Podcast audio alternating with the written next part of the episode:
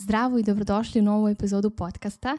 Ja sam Nada Fogt i moja želja je da vam predstavim ishranu na jedan jednostavan, savremen i održiv način. Nadam se da će moj glas tokom trajanja snimanja ove epizode biti u redu i da vam neće biti neprijatno da slušate. Malo sam prehlađena, a nisam želela da propustim da snimim ovu epizodu a, i to da je imate na vreme, jer mi se sve više i više vas javlja da mi kažete da vam mnogo koristi da slušate i da se u mnogim primerima i situacijama pronalazite. Tako da idemo na današnju epizodu u kojoj govorimo o tome kako da donosite pametne odluke i kada je u pitanju mršavljenje. Žene koje su moji klijenti su visoko obrazovane, edukovane žene koje su isto tako vrlo uspešne u svojim a, karijerama, kako poslovnim, tako i majčinskim, ali jedno im je isto tako zajedničko. Bore se sa dijetama, održavanjem svoje kilaže i u tom polju se osjećaju bespomoćno. A evo izjave jedne od njih. Uvijek sam mislila da je ovo nešto što me veoma zbunjuje. Ja sam neko ko postiže izvrsne rezultate u skoro svakoj oblasti života koji se posvetim. Zaista se potrudim, uložim trud, vreme i energiju i na kraju postignem taj željeni rezultat. Iz tog razloga sam zamišljala i da pristup mršavljanju mora da bude takav.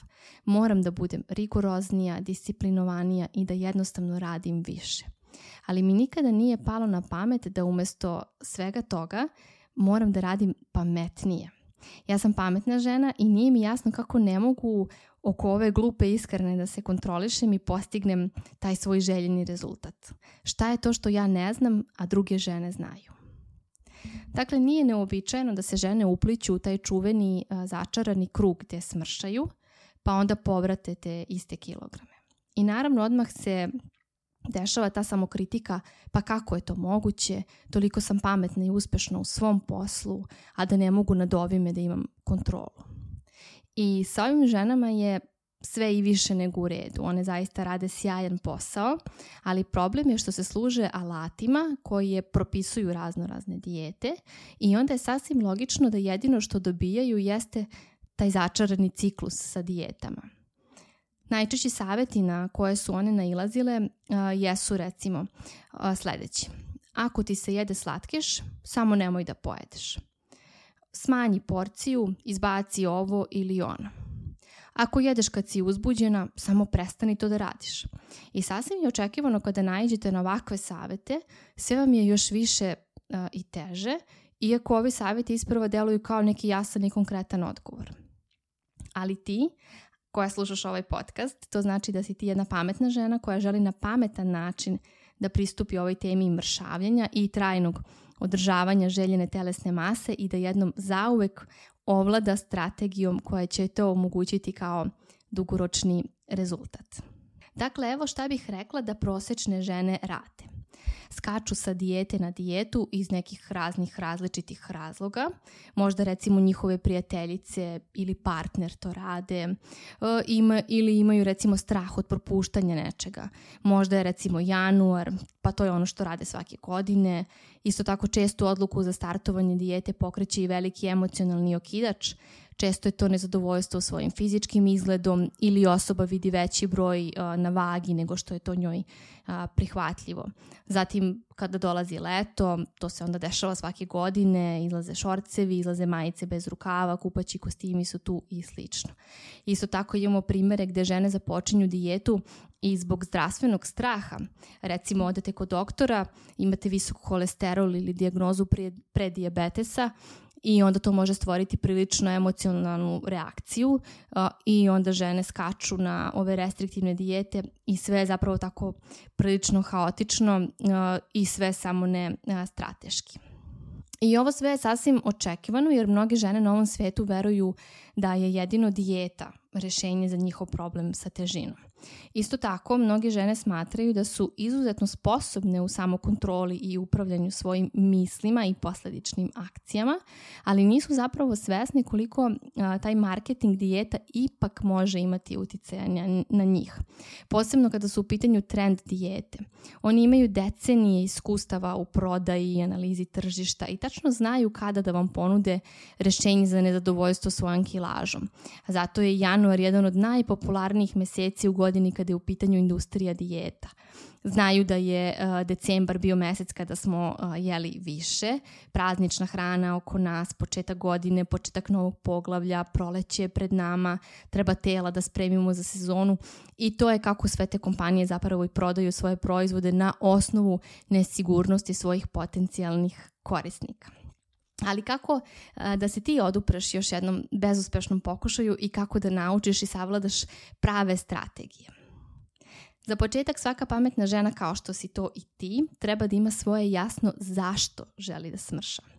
Isto tako ta pametna žena treba da ima na umu da je to jedna igra koja traje i da joj je potrebna jasna strategija ili sistem koji će primenjivati kako bi došla do svog željenog rezultata, a ne neka copy-paste dijeta i slično.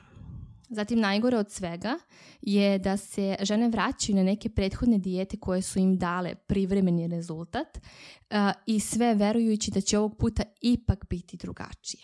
A pametna žena zna kada je pravi trenutak za tako nešto. Ne mora da bude januar ili mesec kada ide i njena drugarica a, na dijetu. Dakle, pametna žena je svesna da ne želi da smrša zbog leta, zbog događaja ili zato što je januar mesec kada treba da menja a, sebe. A, pametne žene su svesne da žele da naprave trajnu promenu zbog sebe. I tu je ključ da prestanu da budu haotične i da budu više usmerene na konkretni rezultat i postaju sposobnije da uvide svoje misli o svom telu, da recimo nemaju misli moje telo je odvratno, već da budu svesne imam misli da je moje telo odvratno. I tu je bitno da žene osveste da ove misli jesu neprijatne i mogu da budu trigeri lošeg raspoloženja, ali ne moraju da budu trigeri za počinjanja dijete. Mnoge žene imaju ovaj ciklus a, negativne slike svog tela. Sledeći korak je započinjanje dijete i sve tako haotično bez bilo kakvog smisla ili neke strategije. Tako da je meni cilj da ti koja slušaš ovu epizodu ne skočiš u ovu zamku dijeta, već da ovog puta uradiš drugačije. Pametna žena mora da prestane da okrivljuje sebe kada nešto ne ide po planu, recimo restriktivan plan ishrane ili klasično izbegavanje ugljenih hidrata i onda naravno kada nakon nekog vremena nisu u stanju da se toga pridržavaju, one okrivljuju nedostatak volje, motivacije i slično. Zato pametna žena mora da uspori, da razmisli o tome šta radi, a šta ne radi i zašto. Pametna žena ulazi dublje u problem koji ima sa ishranom, recimo emotivno prejedanje. Žene se posvećuju tome da istraže šta je to što njih dovodi do toga, a ne a ne samo tome kako da one to prekinu. A, emocionalno prejedanje je kompleksno ili može biti kompleksno. To je jedna duboko usađena navika i zapravo kod svakoga je drugačije. Može biti mehanizam suočavanja ili recimo neka duboko usađena navika još iz detinstva. I za nekoga da se oslobodi emotivnog prejedanja potrebno je vreme i dosta rada. To je jedan čitav proces. I da bi se rešili toga potrebno je da osoba zaista bude spremna na posvećen rad na tome. U današnje vreme je teško ne primetiti koliko smo opsednuti mršavošću, estetikom i koliko mnoge žene žrtvuju svoje zdravlje kako fizičko, tako i psihičko, kako bi postigle neki ideal tela, ali zato pametna žena zna da je prioritet zdravlje, kvalitet života i pre svega kako žele da se osjećaju u svojoj koži. I ovde ne govorimo o tome da li svaka žena ima pravo da radi sa svojim telom šta želi i da ga oblikuje onako kako ona želi da izgleda, već govorimo o tome da imamo možda nerealna očekivanja o svojim telima. Glavna poenta je da imaš za cilj da se bolje konektuješ sa svojim telom, a ne da se diskonektuješ. A šta većina radi? Recimo kreću na režim mršavljenja gde se potpuno odvoje od sebe i svojih signala, svog tela, svojih vrednosti kao i svog zdravlja. I kada bi žene bile ishrane i rekle da ih je svaka dijeta koje su primenjivale samo otuđivala od njih samih i priznale e, da su se osjećale lošije, bilo bi nam svima mnogo lakše. Jer znamo svi posledicu dijeta.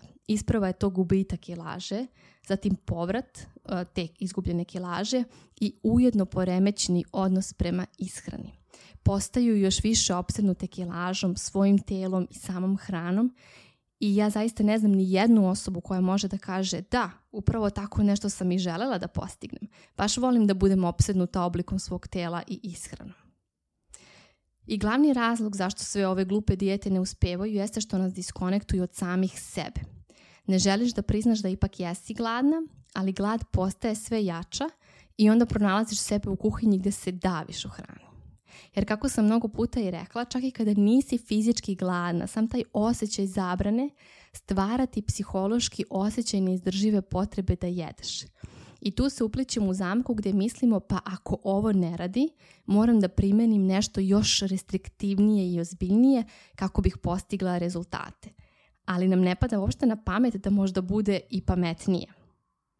Sve vi verovatno imate istoriju sa dijetama i znate onaj osjećaj, sama pomisao da krećete sa dijetom čini da se javi onaj unutrašnji poriv da jedete sve i svašta. I ono što običajno ni ne biste jeli, sada vam se jede jer ste na tom restriktivnom režimu. U početku imate toleranciju, ali vremenom ta tolerancija opada i ta takozvana kontrola nestaje. Pretvarate se u osobu koja i pri samoj pomisli na dijetu ima misli o povećanom unosu hrane. To je baš primjer kako mi je jedna klijentkinja koja je na individualnom coachingu kod mene i rekla, to je zajedno smo zaključile i imenovale ovo, a, da ona ima unutrašnjeg buntovnika. Jer je došla do tog stanja da joj i sama pomisao a, na i čak samu dijetu, već i na bilo kakvu promenu u ishrani, ona je doživljavala kao alarm i okidač da se preda. I to je, vi, to je ništa više nego samo zaštitni mehanizam našeg organizma od svih suludih dijeta. Dakle, zato pametna žena poput tebe koja ovo slušaš nije fokusirana na taj krajnji cilj, već je fokusirana na proces. A, nije cilj što pre smršati, već je cilj koji ja postajem u ovom procesu promene. Učimo sebi i svojim potrebama, navikama, razmišljamo o tome šta meni prija, a šta meni ne prija, šta će za mene dugoročno raditi i šta meni odgovara da se osjećam emocionalno i fizički dobro. I ta konekcija koju treba sa sobom da ostvarimo, da se vodimo unutrašnjim signalima, ne eksternim pravilima, može nam u, mnogo, u mnogome doprineti da izgradimo to poverenje u sebe, samopouzdanje, kao i da imamo osjećaj vrednosti. Jer ja sam šef i ja znam šta meni odgovara, a šta meni ne odgovara. Tako i žene u mom grupnom programu, iako većina ima za cilj mršavljenje, to im nije jedini cilj. To jest nisu fokusirane samo na to i dostizanje te neke idealne cifre, već imaju želju da nauče više o svojim potrebama, da daju sebi prostor i vreme.